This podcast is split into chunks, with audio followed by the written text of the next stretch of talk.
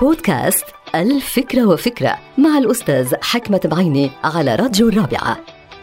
أعرف شخصا يعيش حياته رهينة للمال والجاه وأعرف شخصا آخر يعيش حياته رهينة للمتعة واللذة وأعرف شخصا ثالثا يعيش حياته رهينة للمواجهة والتحدي.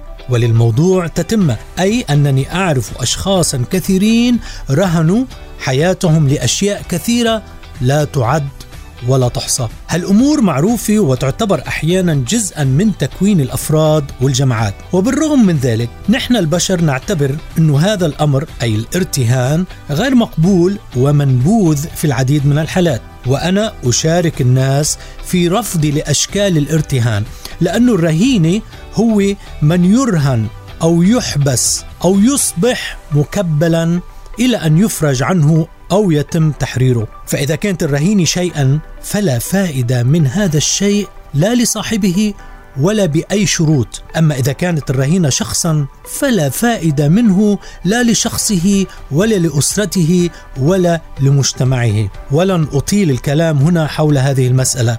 أي أن يعيش شخصا ما رهينة لشخص آخر أو رهينة لبني البشر. هذا خطير جدا ونوع من أنواع العبودية المقنعة.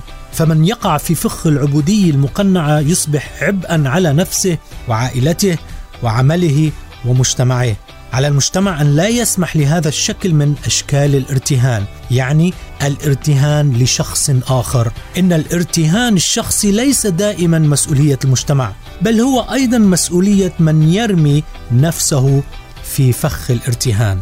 انتهت الفكرة. هذه الحلقة مقتبسة من كتاب الفكرة وفكرة